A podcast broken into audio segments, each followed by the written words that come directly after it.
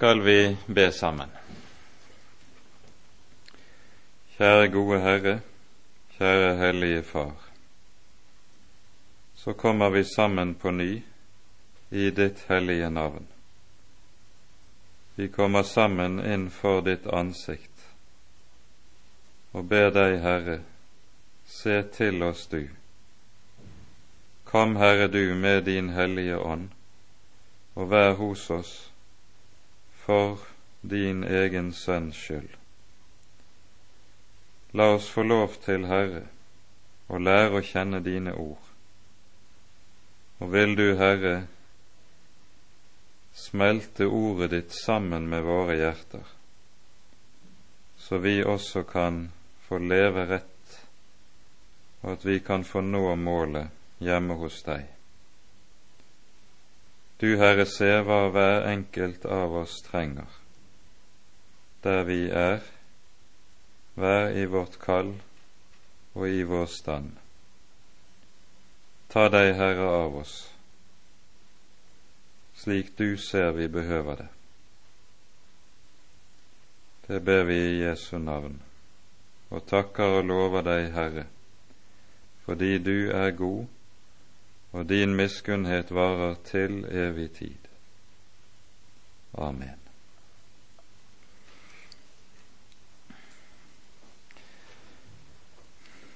Så begynner vi i dag altså på Hebreabrevet, nei, unnskyld, på Efeserbrevets sjette kapittel. Og så kommer vi i dag til å ta for oss de ni første versene i dette kapittelet der eh, For sammenhengen er jo den at mens det i det avsnitt vi har gått igjennom sist, har vi fått høre om hvorledes Herren taler om eh, livet i ekteskapets stand, og nå taler han videre med oss om hvordan vi skal leve i øvrige av livets kall og kalls gjerning. Dere barn, vær lydige mot deres foreldre i Herren, for det er rett. Hedre din far og din mor. Dette er det første bud med løfte, for at det må gå deg vel, og du må leve lenge i landet. Og dere fedre, Egg ikke deres barn til vrede, men fostre dem opp i Herrens tukt og formaning.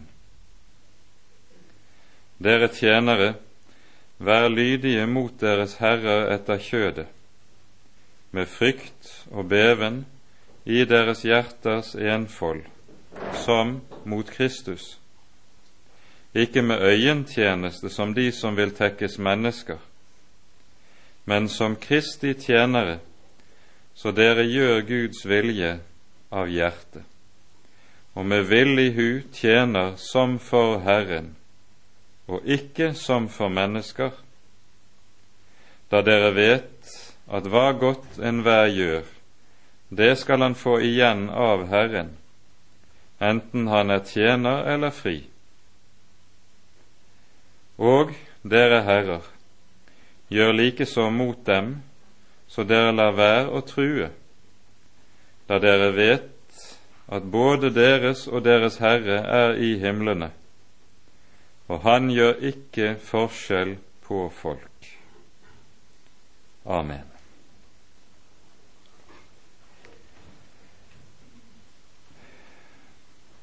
Vi kan godt si det slik at mens vi her i første fire versene hører om forholdet mellom foreldre og barn, og vi altså i det foregående kapittel har hørt om forholdet mellom ektefeller, så er det på begge disse områder slik at det er tale om en guddommelig ordning som hvert menneske er satt inn i på en eller annen måte. Om ikke alle opplever det å bli gift i sitt liv så er i hvert fall i alle tilfeller vi barn av foreldre. Slik at alle mennesker står i det gudgitte forhold og i den gudgitte ordning som det innebærer i å være barn av foreldre og eventuelt foreldre som har barn. Mens når det gjelder det neste avsnittet, når det er tale om forholdet mellom tjener eller trell og arbeidsherre, arbeidsgiver, kunne vi si det med vår tids eh, språk og sammenheng, så er vi inne på det som Bibelen for øvrig gjerne kaller for menneskelige ordninger. Og Bibelen lærer oss meget tydelig at også når det gjelder menneskelige ordninger, skal vi være dem undergitt, så sant de ikke går på tvers av og er i strid med Guds ord og Guds bud. Dette skal vi komme tilbake til, men vi kan allerede innledningsvis minne om det som står i første Peters brev i det annet kapittel om denne sak.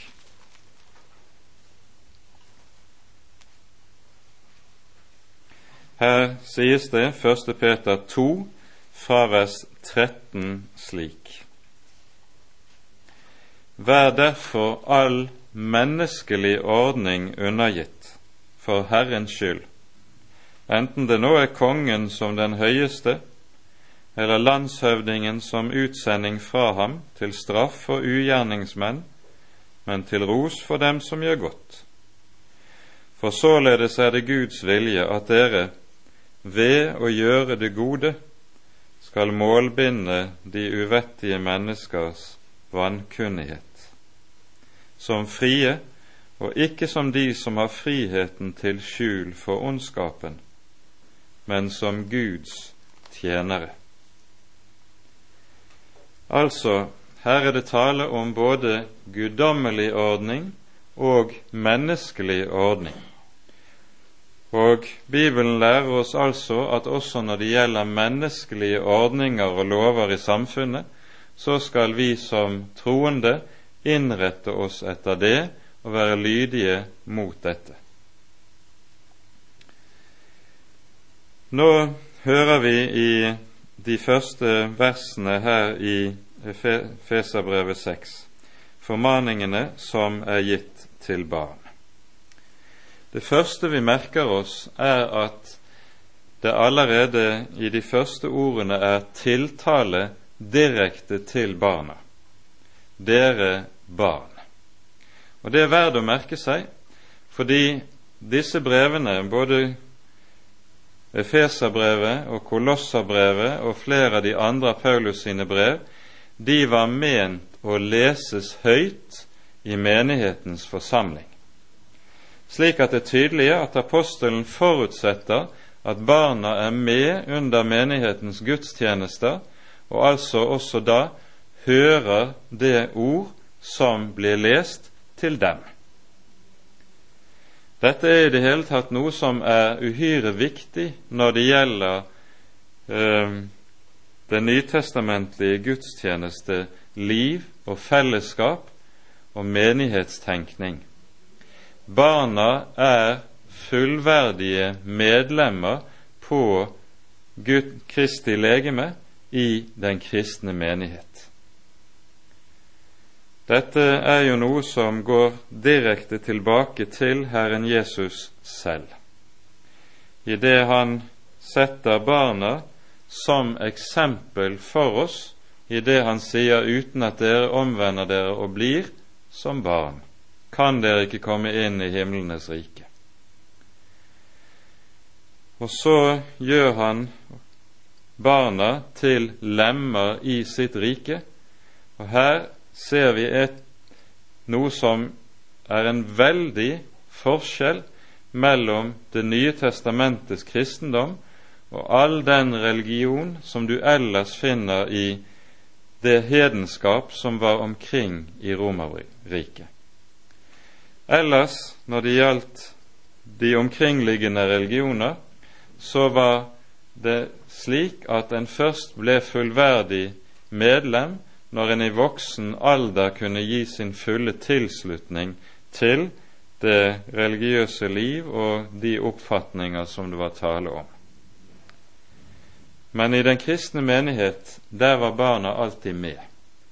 Og de var også med under menighetens gudstjenester og gudstjenesteliv.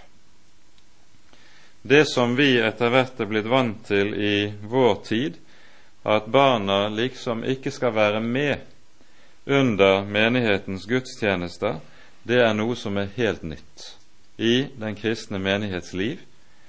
Det er kirkehistorisk sett en ny oppfinnelse.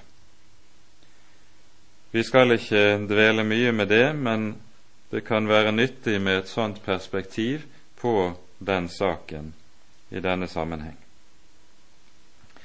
Nå viser Paulus så til det fjerde bud og sier Vær lydige mot deres foreldre i Herren, for det er rett.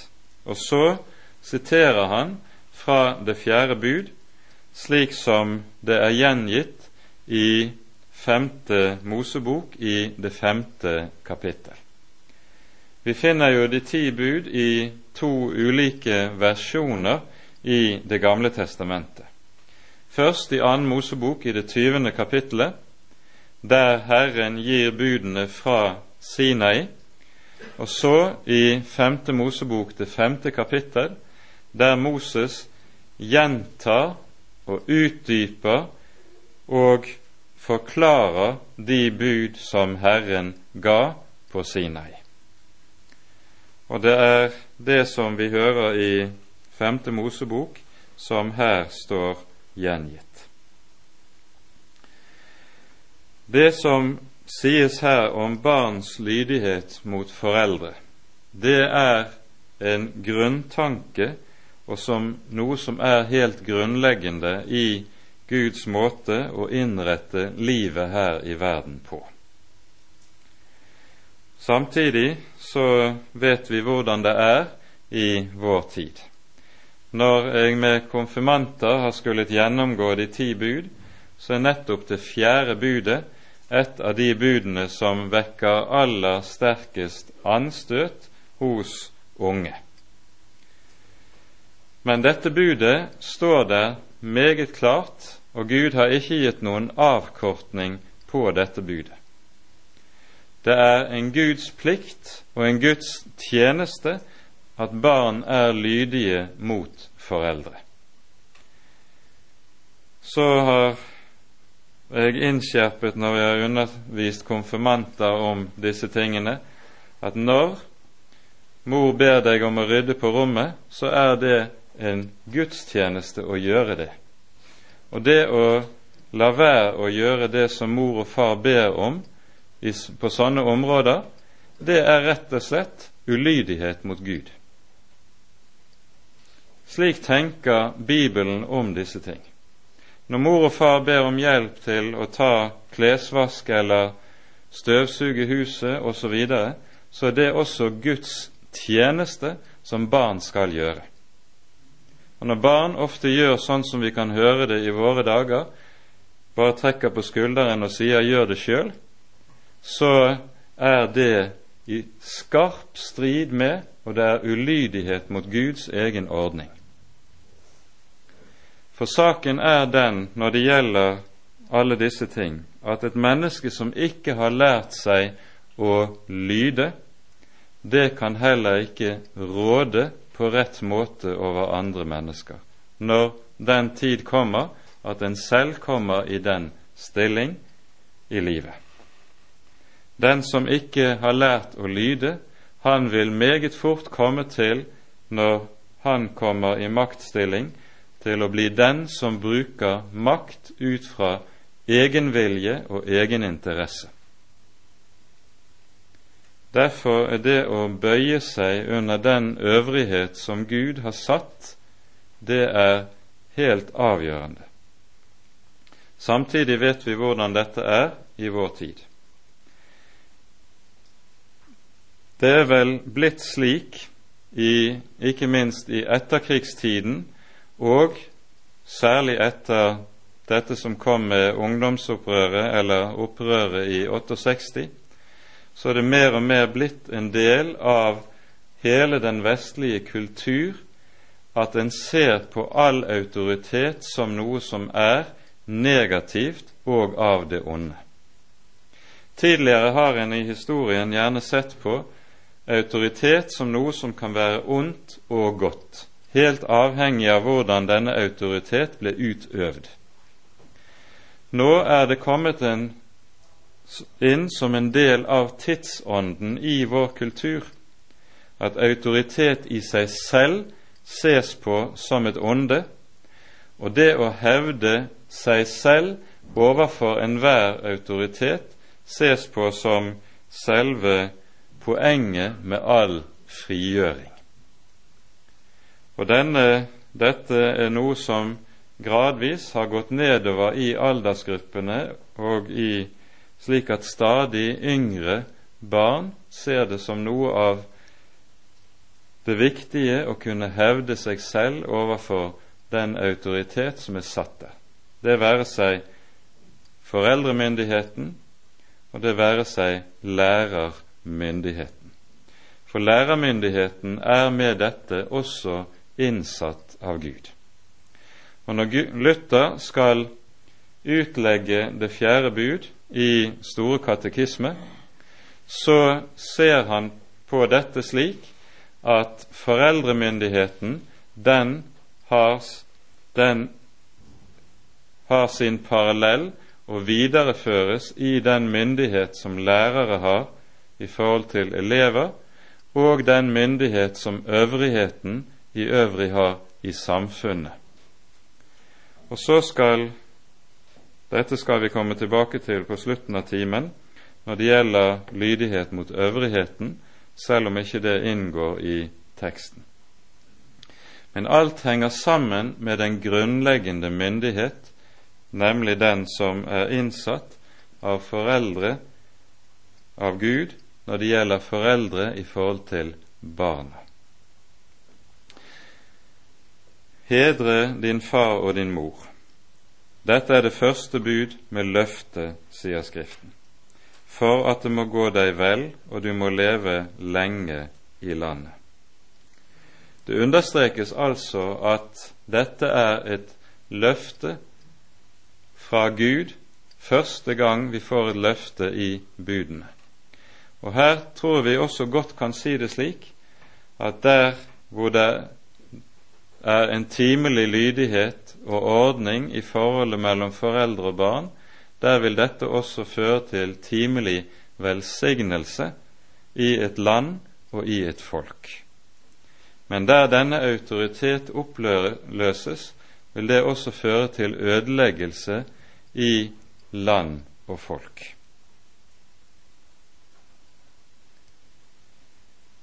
Vi merker oss at det Paulus også her skriver, det at han sier 'vær lydige mot deres foreldre i Herren. Det er nemlig slik at i foreldremyndigheten møtes to typer myndighet. Og det er ikke alltid like lett kanskje å skille mellom de. I Det nye testamentet skilles det nemlig mellom den verdslige og den åndelige øvrighet eller den verdslige og religiøse myndighet. Statsmakten står for den verdslige øvrighet, som skal sørge for orden og trygghet i samfunnet, sette grenser for det onde med lov og rett, men statsmakten skal ikke styre over hjertene. Så har vi den åndelige myndighet, som er i det åndelige regimentet, det styres av Guds ord. Og Den åndelige myndighet skal ikke ha noen ytre maktmidler. Det, den åndelige myndighet, det er den som vi finner i den kristne menighet, i Kirken, og der det er Guds ord som er det som skal styre og råde. Men når det gjelder foreldremyndigheten, så er det slik at denne kombinerer disse to myndigheter. I foreldrene så finner vi både den verdslige myndighet og den åndelige myndighet. Foreldrene skal derfor både oppdra sine barn med loven i hånd og budene, samtidig som foreldrene også er satt til å gi barna Guds ord. Og så er foreldrene, mor og far, de er Luther bruker veldig sterke ord om dette. De er både prest og biskop og pave i forhold til sine barn, i det de har den myndighet at barna skal få Guds ord. Og Så ser vi altså at i foreldremyndigheten så forenes de to regimenter som Luther kaller det for, og dette er ganske viktig å være klar over. Derfor er det heller ingen stand og intet kall som er høyere satt enn foreldremyndigheten, som er innsatt av Gud. Foreldrene står derfor i Guds sted overfor sine barn.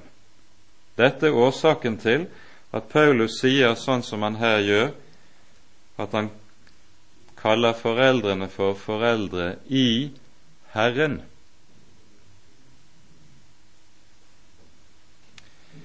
Det neste vi merker oss så, det er at det så gis også en formaning til fedrene. I vers 4 leste vi:" Dere fedre, egg ikke deres barn til vrede, men fostre dem opp i Herrens tukt og formaning. Her er nok denne oversettelsen som vi her har, ikke helt god.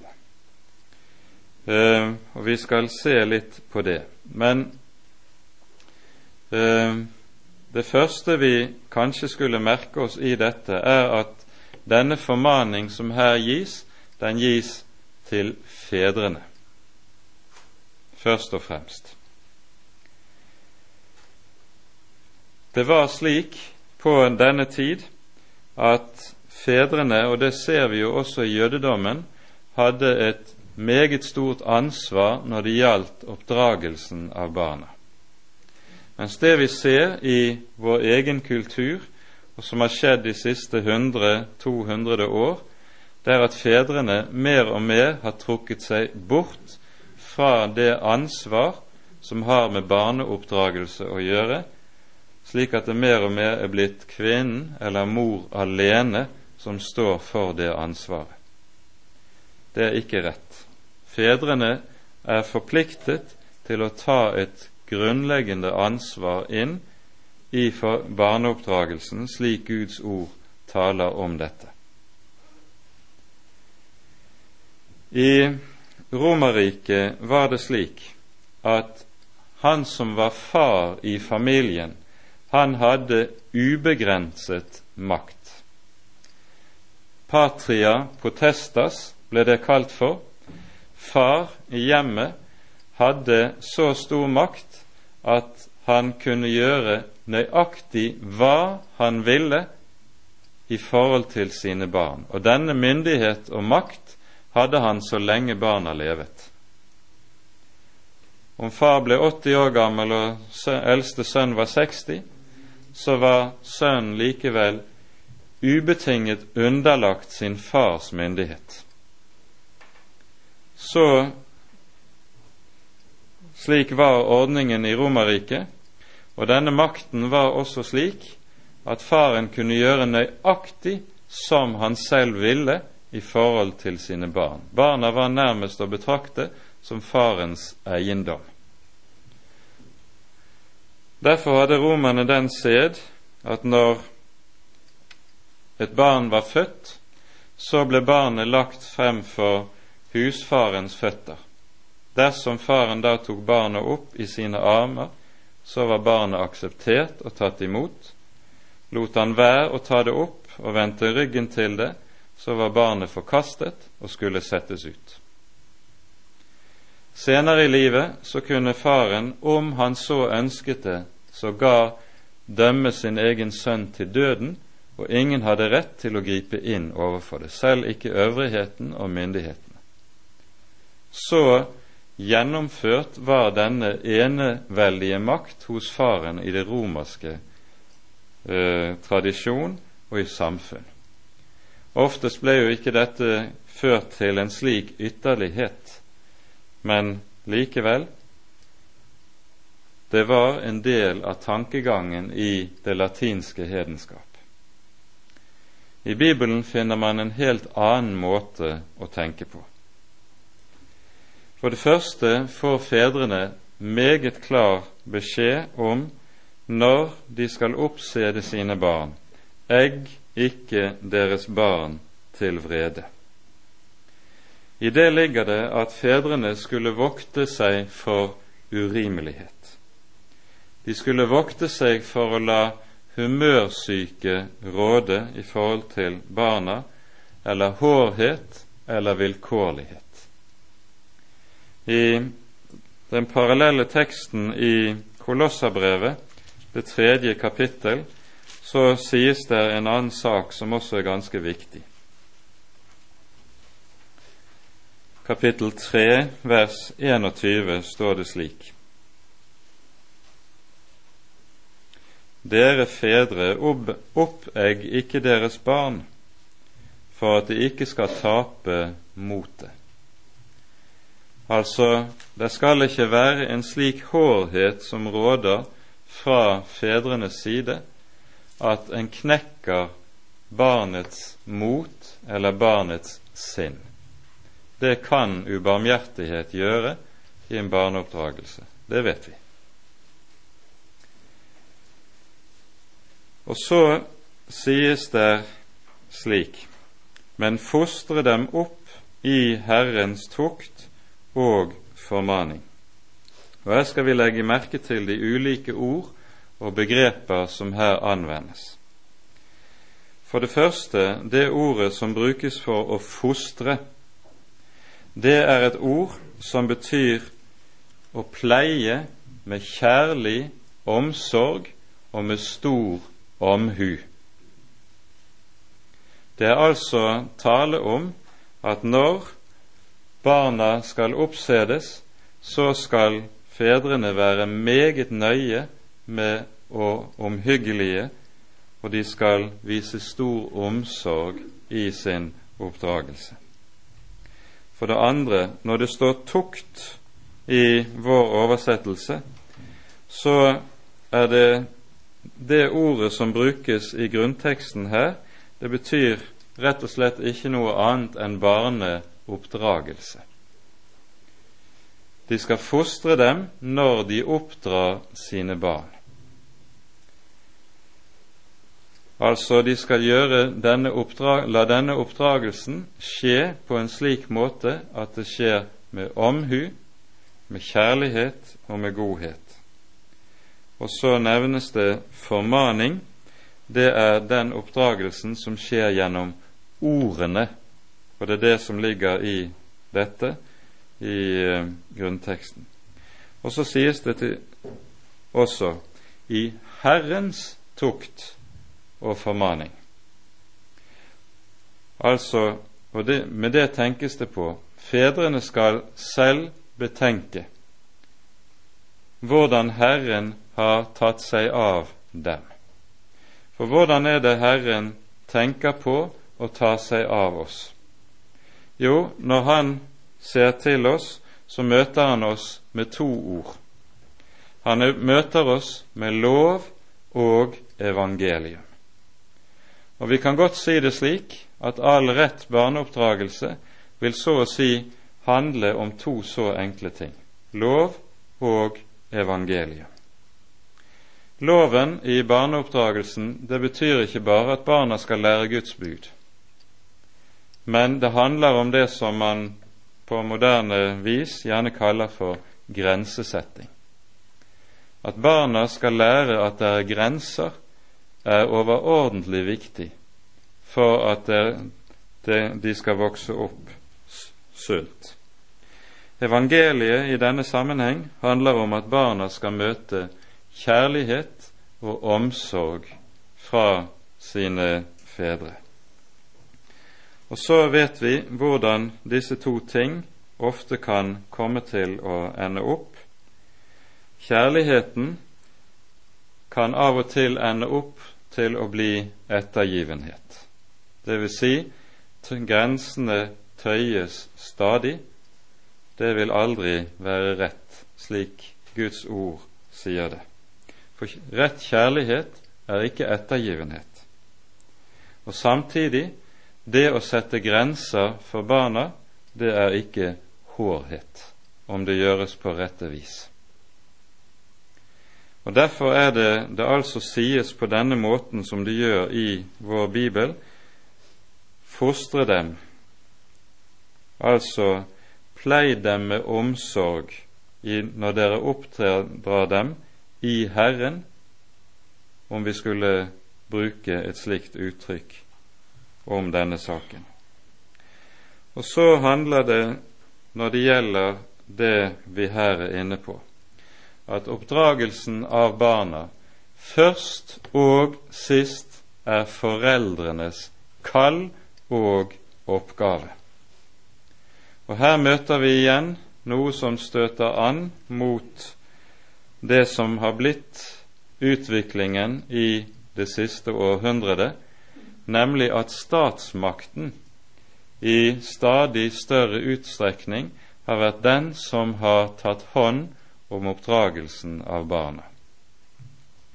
Vi vet hvordan det var i kommunistlandene. Der var det en grunnleggende del av ideologien. Foreldrene skulle tas, fratas for sitt foreldreansvar for at barna skulle oppsedes til kommunismens idealmennesker. Nazistene prøvde på akkurat det samme. Og det var jo for øvrig det som også var bakgrunnen for at i 1942 fikk vi i Norge bekjennelsen Kirkens grunn, som nettopp ble avlagt mot forsøket på å nazifisere oppdragelsen av barna i den norske skole. Det var den umiddelbare foranledningen til det. Da la ned hele Den norske kirke ned en veldig protest i det både bekjennelsen Kirkens grunn ble avgitt første påskedag i 42, og prestene nedla sine embeter i den sammenheng også. Så viktig ble det ansett den gang. I dag, i vårt moderne samfunn, er vi kommet i en situasjon der ikke minst sosialdemokratiet i stadig sterkere grad har søkt å overta barneoppdragelsen. På den måten at barna skal være i statsdrevne barnehager og skoler så godt som det aller meste av den tid på døgnet der de er våkne. Mange barn fraktes til barnehage allerede klokken syv om morgenen og hentes ikke hjem igjen før klokken fem om ettermiddagen og er gjerne da så trette at de får to timer kanskje sammen med mor og far før de må til sengs. Da har vel i realiteten kanskje statsmakten overtatt oppdrageransvaret, fordi foreldrene har så lite tid sammen med sine barn at den reelle oppdrageransvaret ligger i samfunnet og ikke hos foreldremyndigheten. Her ligger det en veldig utfordring til den kristne menighet og den kristne kirke i dag. Hvordan skal vi tenke om oppdragelsen av barna? Og Det er noe av dette som er bakgrunnen for det at det har vært reist så mye kristne friskoler de senere år, i det kristne foreldre da kan ha en trygghet for at barna oppdras i tråd med deres egen tro og overbevisning etter Guds ord. Det er for nettopp å beholde det gudgitte ansvar og den gudgitte rett som en har fra når det gjelder barneoppdragelsen. Og Dette er overmåte viktig for den kristne menighet å holde fast på og være seg bevisst på i den tiden vi lever i. Etter at apostelen nå har talt om forholdet mellom foreldre og barn, så taler han om forholdet mellom tjenere og eh, deres herrer. Og Vi ser det som er hans måte å tale på, det er at han først taler til den som er den underordnede, eller som skal vise lydighet, hvoretter han taler til den som er den overordnede og er satt til å styre i dette. Og så hører vi der sies til tjenerne. Dere tjenere, vær lydige mot deres herrer etter kjødet, med frykt og beven i hjertets enfold som mot Kristus. På ny merker vi oss brevet skulle leses høyt i menigheten, og det tales direkte til tjenerne. Det er omsatt slik, men det burde vært omsatt dere slaver. For i Romerriket fantes der ikke tjenere i vår betydning av ordet, mennesker som gikk i tjeneste og fikk lønn, og så kunne dra hjem når deres gjerning var ferdig på dagen. Det var kun slaver. En har regnet på dette og mener det var på denne tid om lag 60 millioner slaver i det veldige Romerriket. En fri mann gjorde overhodet intet fysisk arbeid. Det ble ansett som absolutt uverdig for en som var fri. Treller gjorde alt fysisk arbeid, og også det aller meste av det som var nødvendig av administrativt arbeid. Det å undervise i skolene, det var også noe som treller var satt til å gjøre, osv. De frie de gjorde svært lite av slikt arbeid overhodet. Trellene hadde også en meget lav status i Romerriket. Dette vet dere. De var ansett som eiendom på linje med kveget hos bonden. Og der, De kunne også behandles som en hvilket som helst redskap. Det var helt opp til husherrens vilkårlige vilje og luner hvordan det skulle gå med slaven, og ingen kunne gripe inn overfor dette. I den kristne menighet hadde slavene full rett som medlemmer i menigheten. Det er av denne grunn slavene tiltales direkte, slik vi hører det her. Dere tjenere sies det. De kunne sitte i menighetens forsamling som absolutt likeverdige med de som var frie i forsamlingen. Dette sies jo på det revolusjonerende vis som vi hører det i Galaterbrevet i det tredje kapittelet. Her sies det slik, vers 27 og 28. For dere, så mange som er døpt til Kristus, har ikledd dere Kristus. Her er ikke jøde eller greker, her er ikke trell eller fri. Her er ikke mann og kvinne, for dere er alle én i Kristus Jesus.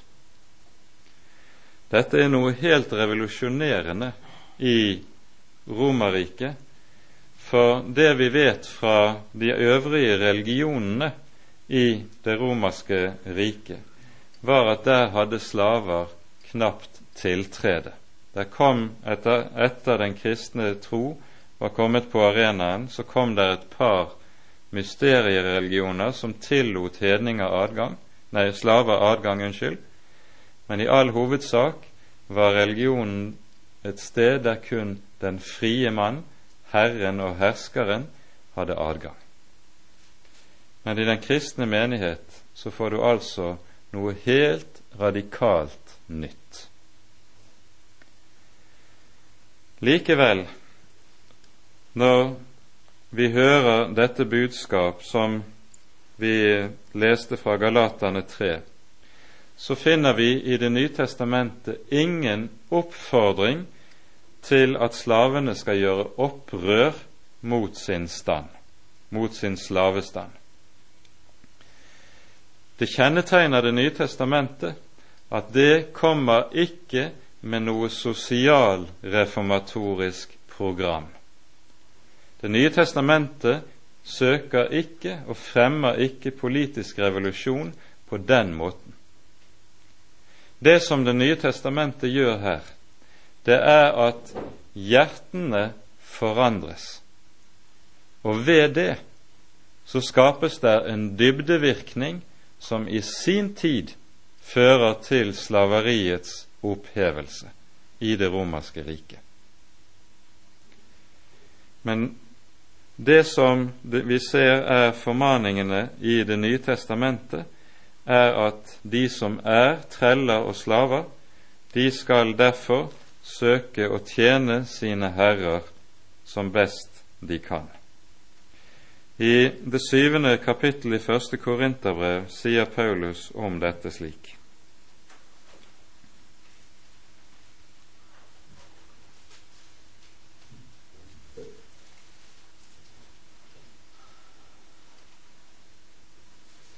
Vi leser fra vers 20. Enhver bli i det kall han ble kalt i. Ble du kalt som trell, da gjør deg ingen sorg av det, men kan du også bli fri, så gjør heller bruk derav. For den trell som er kalt i Herren, er Herrens frigitte. Likeså er også den frie som er kalt Kristi trell. Dere er dyrt kjøpt, bli ikke menneskers treller. I den stand enhver ble kalt i, brødre, i den blir han hos Gud. Og legg merke til det uttrykket bli i sin kall eller i sitt stand hos Gud. For her ser vi noe som er overmåte viktig. For når Det nye testamentet taler om arbeid I datiden var det trellers arbeid. Senere ble det vanlig arbeid innen ulike slags laug, håndverkerlaug, og vi kjenner alle de stender som etter hvert kom til. Så er det slik at det, poenget her Det nye testamentet ser det enkelte menneskets arbeidsgjerning som dets kall. Det nye testamentet, når det taler om kall slik, så tenker det altså ikke bare på at det å være prest eller misjonær eller evangelist, det er å ha et kall fra Gud. Nei, enhver gjerning som et menneske er satt inn i, ethvert arbeid, det er Guds kall. Enten en er skomaker eller lastebilsjåfør eller industriarbeider, enten en er sykepleier eller lærer eller hva det nå måtte være en er. Den, det arbeid en er satt i, det er Guds kall. Og poenget er at i dette kall, der er det en skal øve sin tjeneste for Herren slik at det å gjøre sitt arbeid skikkelig, det er gudstjeneste. Derfor er det slik at når vi hører det store bud i Det nye testamentet du skal elske din neste som deg selv, så er det et bud som lyder fint og godt når vi hører det sånn allment og generelt. Og så kan vi stille spørsmålet hvor er det dette budet skal leves ut, og så å si få kjøtt på bena? Jo, det skal nettopp skje, skje i den kallsgjerning en er satt i i sin hverdag. Hvordan elsker skomakeren sin neste? Ved å gjøre skikkelig arbeid når han får sko til reparasjon, og så unnlate å ta overpris for sitt arbeid. Hvordan elsker læreren sin neste i sitt arbeid? Ved å ha hjerte for elevene og søke å gjøre alt sitt beste for at den enkelte elev skal få det som de skal få. Alt som heter undersluntring i arbeidet, i hvilken gjerning en enn er, det er synd mot kjærlighetsbudet. For det er nettopp i vårt daglige arbeid vi er satt til å tjene vår neste. Det gjelder enten man er i privat sektor eller i offentlig sektor, helt uavhengig av hvor vi er. Jeg skal gjøre min gjerning og tjene min neste i det kall.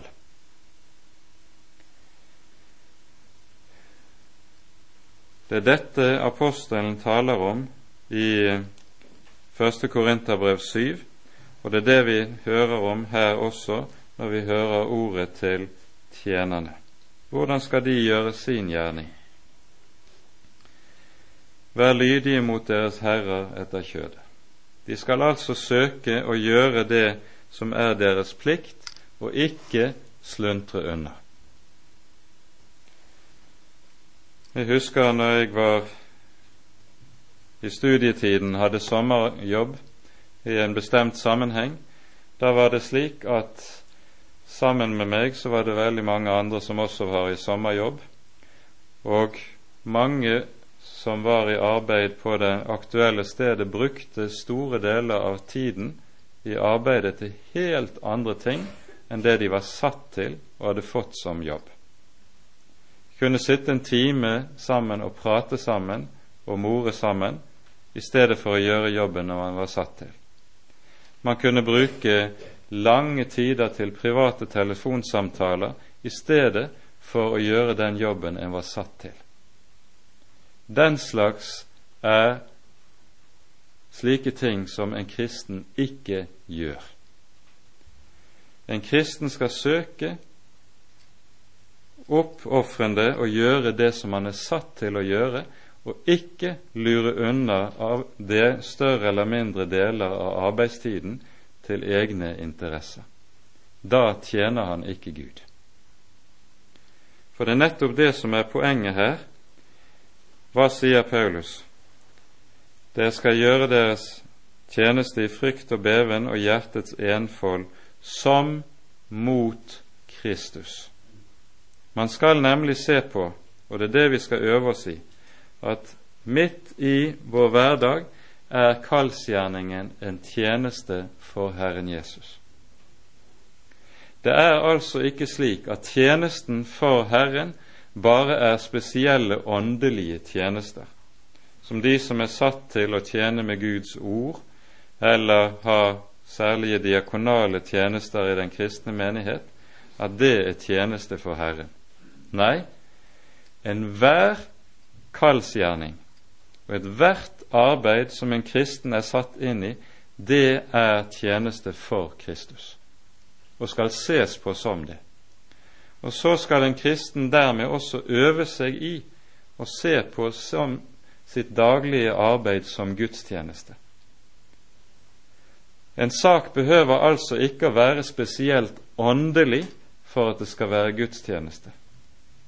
Det kan være meget verdslig, meget konkret, meget timelig, om en så vil. Like fullt er det gudstjeneste så sant jeg i dette gjør min gjerning og mitt arbeid, som jeg er satt til å gjøre. Dette er ganske grunnleggende, og dette sier noe helt avgjørende også om kristen arbeidsetikk og kristen arbeidsmoral. Paulus understreker også ikke med øyentjeneste som de som vil tekkes mennesker, men som Kristi tjenere, så dere gjør Guds vilje av hjertet. Legg merke til det. Det uttrykket som er omsatt i vers 5 når det taler om hjertets enfold, det er et uttrykk som best forklares med at det er det motsatte av å ha et tvesinnet eller delt hjerte. Hjertets enfold, det betyr at en har hjertet oppriktig rettet mot bare én sak. En har ikke skjulte bihensikter eh, med det man gjør, men når vi gjør en tjeneste, så gjør vi det i hjertets oppriktighet for Herren. Sånn skal en kristen tjene i sitt arbeid. Så til slutt kommer også formaningen til herrene. Og det er ganske sterkt når vi tenker på den tid det er talt inn i i Romerriket. Dere herrer, gjør likeså mot dem. Likeså det betyr at de skal tenke at i sin stand så skal de tjene Herren. Og da sies det så dere lar være å true. Det er jo klart at sånn som slaveriet i Romerriket var bygget opp, så hvilte det på vold, på trussel, på maktbruk. Slaven var absolutt rettsløs. Han var utlevert til sin herres velbefinnende, velbehag og hans eventuelle svingninger i humør og i lune. En kristen herre skal ikke forholde seg slik til sine, sier Paulus, ikke true, da dere vet at både deres og deres Herre er i himlene, og Han gjør ikke forskjell på folk. Herrene skal vise barmhjertighet mot sine arbeidere. Og I dette ligger det jo også noe som er ganske viktig når det gjelder kristen arbeidsmoral, nemlig at den som er arbeidsgiver, skal bære omsorg for at hans arbeidere har det godt. Han skal ikke underbetale dem, han skal ikke utnytte dem, han skal ikke fare frem umenneskelig og brutalt imot dem, men dra omsorg for sine arbeidere. En kristen arbeidsgiver skal være nøye med at han har omtanke for de som er i hans brød. For oss, også for ham, gjelder budet om neste kjærlighet. Og så sies det altså, så dere lar være å true, da dere vet at både deres, altså trellenes, og deres Herre er i himmelen, og Han gjør ikke forskjell på folk. Hos Gud er det ikke persons anseelse. Han gjør ikke forskjell på folk, men alle vil mennesker vil når dagen kommer, skulle bli dømt på samme grunnlag og ut fra de samme bud. Og så skal Herren måle oss.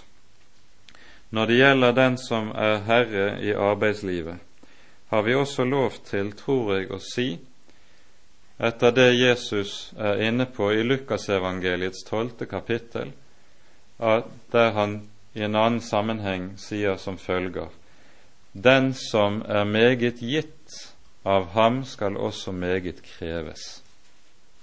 Den som nemlig også er en arbeidsgiver og er i en overordnet stilling, han har fått så meget høyere ansvar at han derfor også skal også dømmes med desto strengere dom når dagen er der.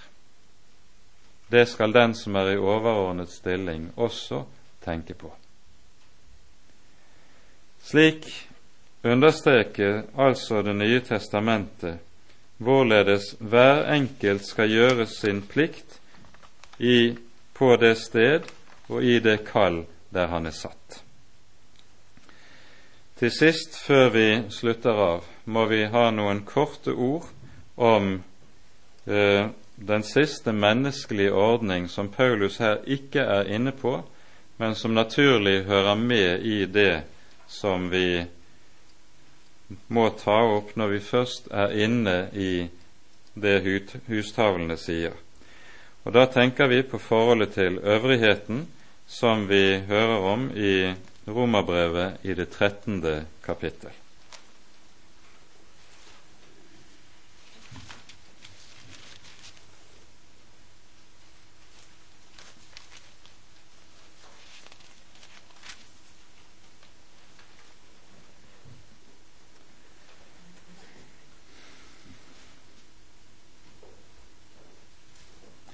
Her står det slik i de syv første versene.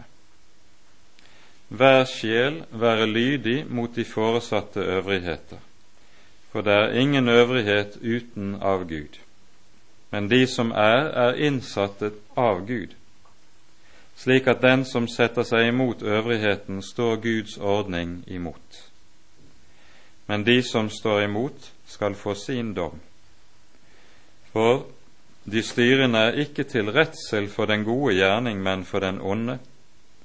Men vil du slippe å frykte for øvrigheten, gjør det som godt er, så skal du ha ros av den. For den er Guds tjener deg til gode. Men gjør du det som er ondt, da frykt, for den bærer ikke sverdet for intet, for den er Guds tjener en hevner til straff over den som gjør det som ondt er. Derfor er det nødvendig å være lydig mot den, ikke bare for straffens skyld, men også for samvittighetens. Derfor betaler dere jo også skatt, for de er Guds tjenere som nettopp tar vare på dette.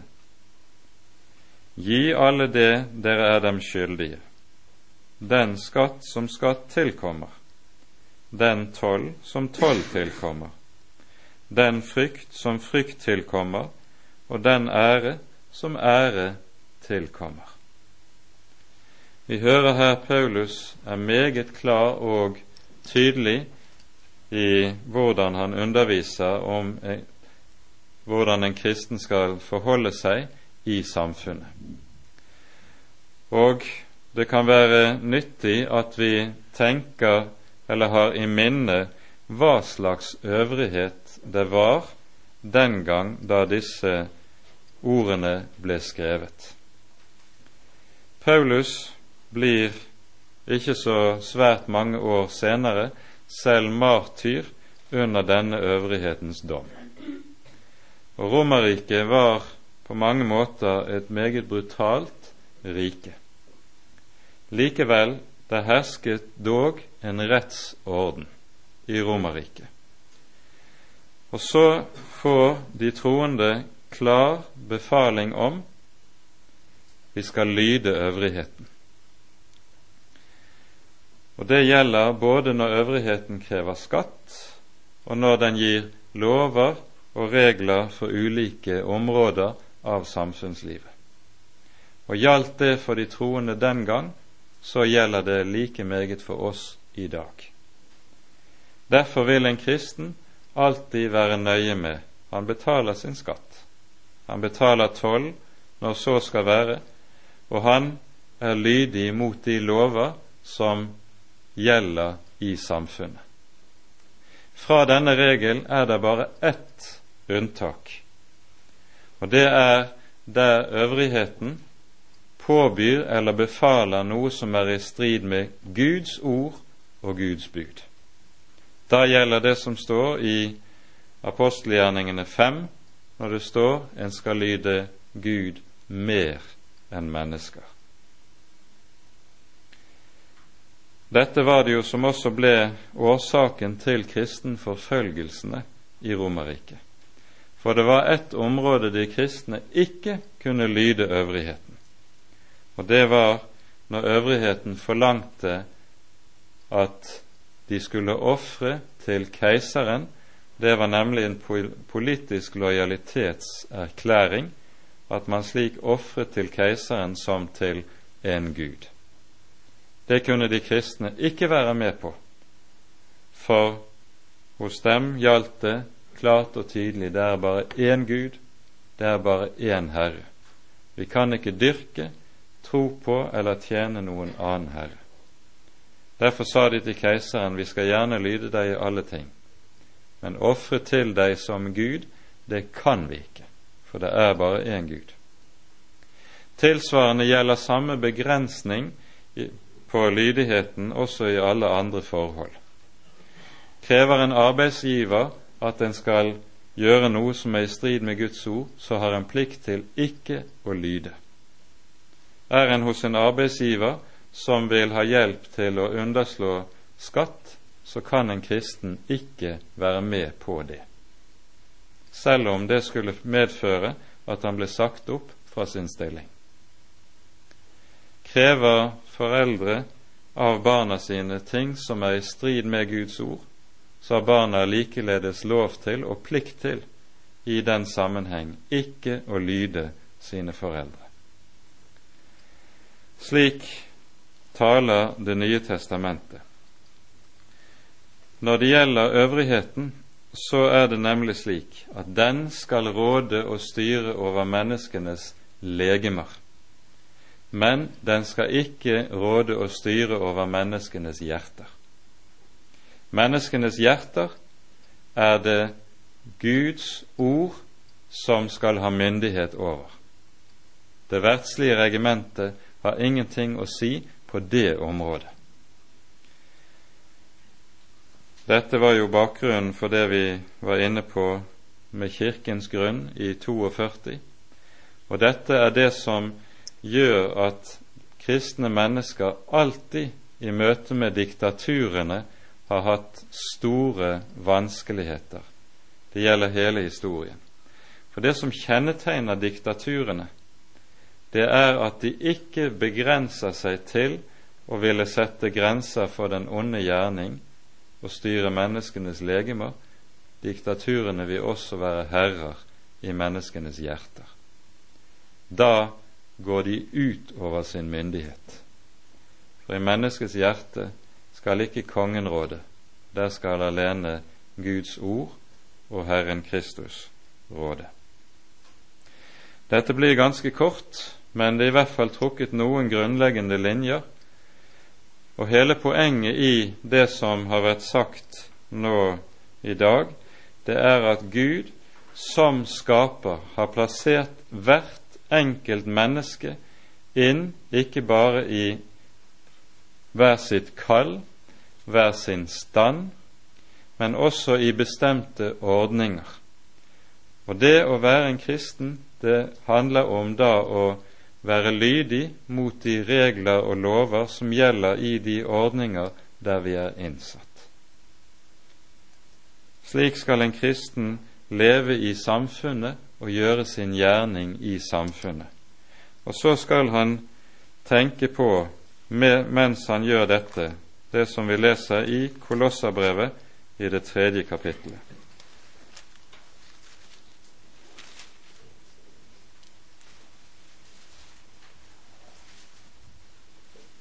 Her står det slik, vers 23. Og det gjelder allment om alt det vi har talt om nå i dag. Det dere gjør, gjør det av hjertet som for Herren, og ikke for mennesker, for dere vet at dere skal få arven til lønn av Herren. Tjen den Herre Kristus. Og med det setter vi punktum for denne bibeltimen. Ære være Faderen og Sønnen og Den hellige ånd, som var og er og være skal en sann Gud, høylovet i evighet. Amen.